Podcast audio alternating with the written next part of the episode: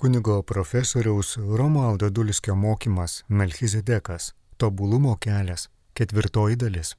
Melchizedekas - ketvirtoji dalis - tobulumo kelias.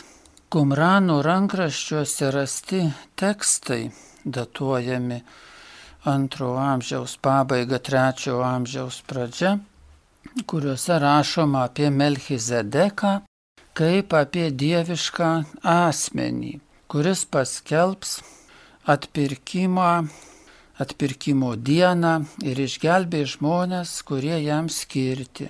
Be to jis teis žmonės.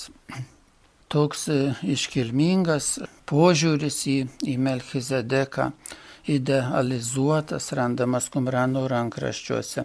Taip pat ir helenistinėme judaizme, vadinamosios antrosios Enocho knygos tekste. Tai yra knygos, kuri yra apokryfinė žydų raštyjoje ir parašyta pirmame amžiuje po Kristaus paskutinėme jos skyriuje, pavadintame Melchizedeko išaukštinimas. Pasakojama, kad Melchizedekas buvo gimęs iš mergelės, kurios vardas Sofonim arba Sopanima.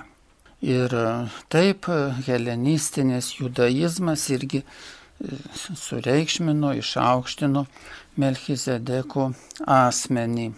Stačiatikių arba ortodoksų bažnyčia turi liturginės Melchizedeko minėjimo dienas, net dvi - mini gegužės 22 ir šventųjų protėvių sekmadienį, antrąjį sekmadienį prieš Kalėdas. Draugė su kitais šventaisiais protėviais apmasto ir Melchizedeko pašaukimą, jo misiją, jo pavyzdį mums. Laiške žydams penktame skyriuje e, Jėzus apmastomas kaip tas, kuris įgyvendino Melchizedeko kunigystę tobulų būdų. Ir plačiau žinoma yra ži, laiške žydams aptariama Melchizedeko ir Jėzaus e, panašumo problematika, kurią mes palėtėme ankstesniuose jau mūsų aptarimuose Melchizedeko slėpinio ir, ir jo fenomeno. Ir šiandieną dar ypatingai sustosime prie Melchizedeko būdą, ką tai reiškia gyventi Melchizedeko būdu arba būti kunigu Melchizedeko būdu. Kunigu gal ta hierarchinės kunigystės prasme, bet taip pat ir visuotinės tikinčiųjų kunigystės prasme, ką reiškia būti Melchizedeko būdu. Čia remiantis laiško žydams 7 skyriaus 11 eilute kuris sako, jeigu tobulumas būtų buvęs pasiekiamas per levitų kunigystę, tai kam dar būtų reikėję iškilti kitam kunigui Melchizedeko būdu.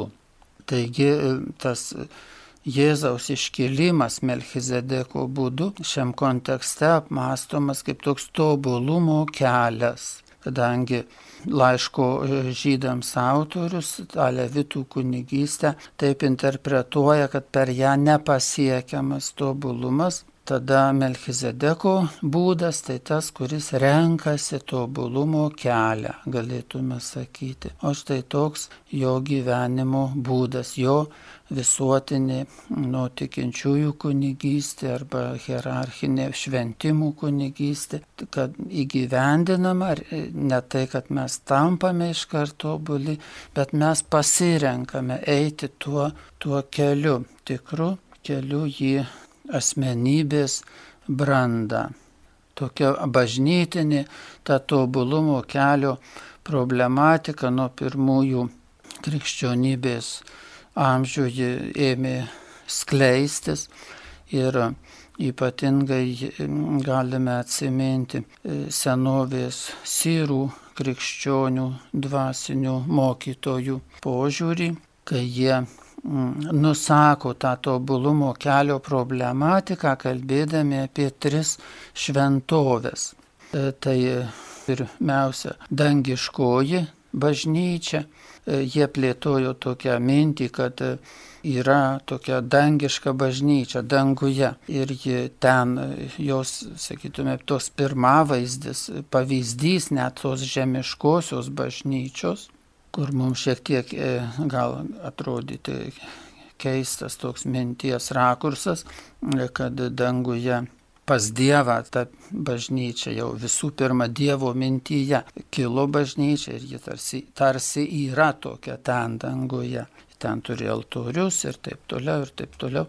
Tam tikras toks vaizdinys, bet jis nurodo į tai, kad ta dangiškoji bažnyčia yra ideali, tokia šventa, tobula ir žemiškoji bažnyčia turi orientuotis į tą dangiškosios paradigmą, būti kažkaip taip tarsi žvilgčioti visą laiką, ah, kokia, čia, kokia aš turiu būti ta žemiškoji bažnyčia, kokia ta dangiškoji yra, kaip suvokti savo pašaukimą, kaip, kaip ko nors nepraleisti, kaip, kaip neapsileisti, kaip tą savo misiją įvykdyti.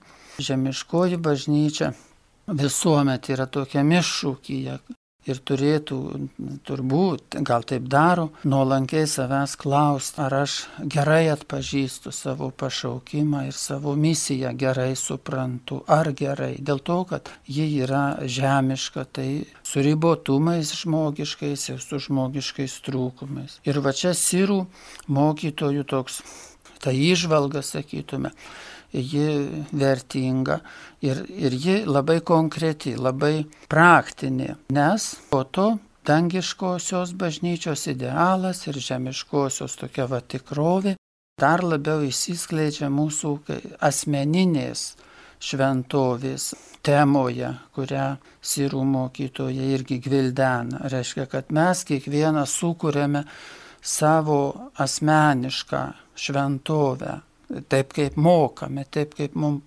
sekasi, taip ar nesiseka, taip kaip suprantame ar nesuprantame, taip kaip įsisaviname, tiek kiek įsisaviname. Ir tokia ta asmeninė mūsų šventovė kuriama irgi tarptų, sakytume, tarsi įtampų tos dangiškosios, idealiosios bažnyčios ir tos žemiškosios, kuri visuomet yra tokioj pastangoj atitikti savo tikrąjį pašaukimą, jį suprasti.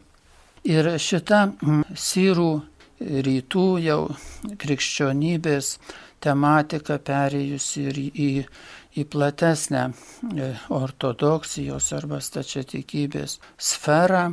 Ir čia įdomu būtų atsiminti tą tobulosios arba dangiškosios bažnyčios teologą 20-ojo amžiaus teologą šventąjį Pavelą Florenskį, kuris buvo nepaprasto intelekto, plačios labai erudicijos mąstytojas, dvasinės akademijos dėstytojas, daugybėje sferų apdovanotas gebėjimais ir teologas, filosofas, matematikas, inžinierius, stačiatikių kunigas ir taip tikėjimo kankinys, publikavęs daug į tomis minėtomis temomis darbų, straipsnių, raštų, pramintas rusiškuoju Leonardo da Vinci dėl savo plačios erudicijos. Nu va ir jo erudicija siejosi su jo tokiu, jo, sakytume, tyra širdystė arba jo tokiu sąžiningu ar krikščioniškumu, noru gyventi visiškai pagal Evangeliją, pagal teisinguosius bažnyčios principus. Ir jis nu, negalėjo įtikti to meto komunistiniai valdžiai ir buvo įkalintas ir 1937 metais po keturių kalinimo metų nuteistas myriop ir sušaudytas. Kaip švento gyvenimo žmogus ir kankinys buvo ortodoksų bažnyčios kanonizuotas. Ir štai jo mokymas apie tai, kokia bažnyčia yra arba kokia ji turėtų būti kartu bažnyčia ir kartu kiekvienas krikščionis, nes e, neatsiejami dalykai. Bažnyčia ir krikščionis, kuris yra nu vienai par kitaip, bet bažnyčios narys. Ir štai Pavelas Florenskis irgi kalbėjo apie žemiškąją bažnyčią, kuri reprezentuoja amžinąją transcendentinę dangaus bažnyčią, sekdamas tą rytų teologijos tradiciją. Ir kad žemiškoji bažnyčia yra pašaukta būti tos iš dangiškojo tėvo trykštančios gyvenimo pilnatvės nešėja. Bažnyčios pašaukimas pagal Florenskį būti ypatinga šventosios dvasios buveinė. O būdama tokia šventosios dvasios buveinė, ji rodo tobulėjimo kelią savo nariams. Kitas ortodoksų arba stačiatikių teologas, mums daugiau mažiau jau žinomas, girdėtas metropolitas Antony Bliumas, daug yra kalbėjęs ir likę jo raštai apie žmogaus krikščionio gyvenimo kelią, krikščionio tą pašaukimą. Ir šiame kontekste, mąstant apie melchizedekiškosios kunigystės tokią žinę mums, arba ką reiškia tas buvimas būti melchizedeko būdu, galėtume atsiminti jo ypač tokį įdomų ir intriguojantį turbūt mokymo aspektą apie tai, kad bažnyčioje žmonės yra perkeičiami. Antoni Bliumas sako, jeigu tu pateini su atvira širdimi į bažnyčios tą erdvę dvasinę, net į, į pastatą, bet ir per pastatą į tą visą dvasinę bažnyčios tą tikrovę, tavy vyksta nu, perkeitimas. Gal palaipsniui, gal lėtai, bet nenumaldomai. Tikrai, tu esi perkeitimo kelyje. Ir jis duoda tokį palyginimą, kaip išdžiūvęs medis, pirmiausiai jisai sako, malkos, kaip seniau. Ir dabar kas turi? Kas turi kokias nors krosneles, daugiau gal iš, iš pramogos miestuose, žydinius, nu kiti ir. Ir reiškia, išdžiūvęs medis, jisai labai gerai dega, Ir sako, o mes esame tokie pusiau išdžiūvę, pusiau žali. Ir todėl šventosios dvasios ugnis mumise nesuliepsnoja taip, kaip e, mums skirta. O mums skirta, kad šventosios dvasios ugnis mumyse suliepsnotų visą savo galę. Tai mes turime išdžiūti, jisai va tokį duoda vaizdą išdžiūti. Ir jisai gretina tai su mozės regėtų krūmu, kuris labai liepsnojo būdamas dykumoje, augdamas dykumoje. Ir čia vėl galėtų būti tema, kas ta dykuma, kaip sukurti tą, tą tokią palaimingą dykumą, kurioje tu tu gali tapti tuo mozės krūmu, kurį Dievo kibirkštis uždega ir jisai visas liepsnoja, nesudegdamas. Tas mozės krūmas švietė, degė, nesudegė ir buvo visas apimtas to šventosios ugnies. Tai nurodo į kiekvieno žmogaus krikščionio tokį labai nuostabų pašaukimą. Ir vėl, kad mes taip neįsibaimintume tų per daug, per daug didingų gal tokių įvaizdžių, tai galim atsiminti, vat, kad Melchizedeko fenomeną apmastume kaip kelią, kad tai yra kelias, kuriuo galime eiti ir eidami mes einame į tą šventosios dvasios gyvenimo pilnatvės tikrovę, žingsnis po žingsnio ir tada turbūt nėra, nėra mums taip dėl ko išsigasti kilnių nuostabių aukštų dalykų. Antoni Bliumas buvo didžiulis realistas. Turėjo didžiulę gyvenimišką patirtį, kaip kunigas, vyskupas, pažino ir užsienio ortodoksiją, ir Rusijos ortodoksiją. Ir vienas iš jo tokių diagnostinių posakių buvo, kad citatos pradžia - politinis konformizmas sena Rusijos bažnyčios lyga. Citatos pabaiga. Bet taip jis matė, kad gali būti toks tarsi antimelchizedekiškas krikščionybės pavydalas, kuris netobulumo keliu veda, bet toks, galėtume sakyti, antigal, antitobulumo keliu. Bet kita vertus, tai reikia pasakyti dėl to Melchizedeko dvasios, dėl to tikro tobulumo kelio, kuris turėtų kažkaip būti atgaivintas, kuris turėtų gyvuoti, kuris, kuriam negalima leisti būti taip užgoštam. Nes bažnyčia turi būti tokių žmonių išganimo vieta ir tobulumo kelio rodytoje. Gražiai toks šiandienas e, rusų kunigas, kuris vienas iš šviesiausių E, rusų stačiatikių arba ortodoksų kunigų Georgijus Edelšteinas. Jisai sako, kad šio laikmečio e, Rusijos visuomenė yra tokia, kuriai šimtą metų su viršum jau yra meluojama. Nuo tos vadinamosios spalio revoliucijos iki šių laikų Rusija užtvindyta tokia, nu, melo propaganda, melo ideologija. Žmonės tikintieji taip pat yra labai nukentėję, jų sielos nukentėjusios. Lietuvoje mes per istoriją jos visus šimtmečius turėjome nuostabių ortodoksų bažnyčios nuo sūnų ir dukterų, lietuvių, lietuvių kilmės. Ir kad ta ortodoksija tikrai jinai klestėtų, bet ne tokiu destruktyviu, diskredituotu pavydalu, bet visų savo tyrumu, skaidrumu, savo solidumu, kokia yra tikroji autentiškoji ortodoksija.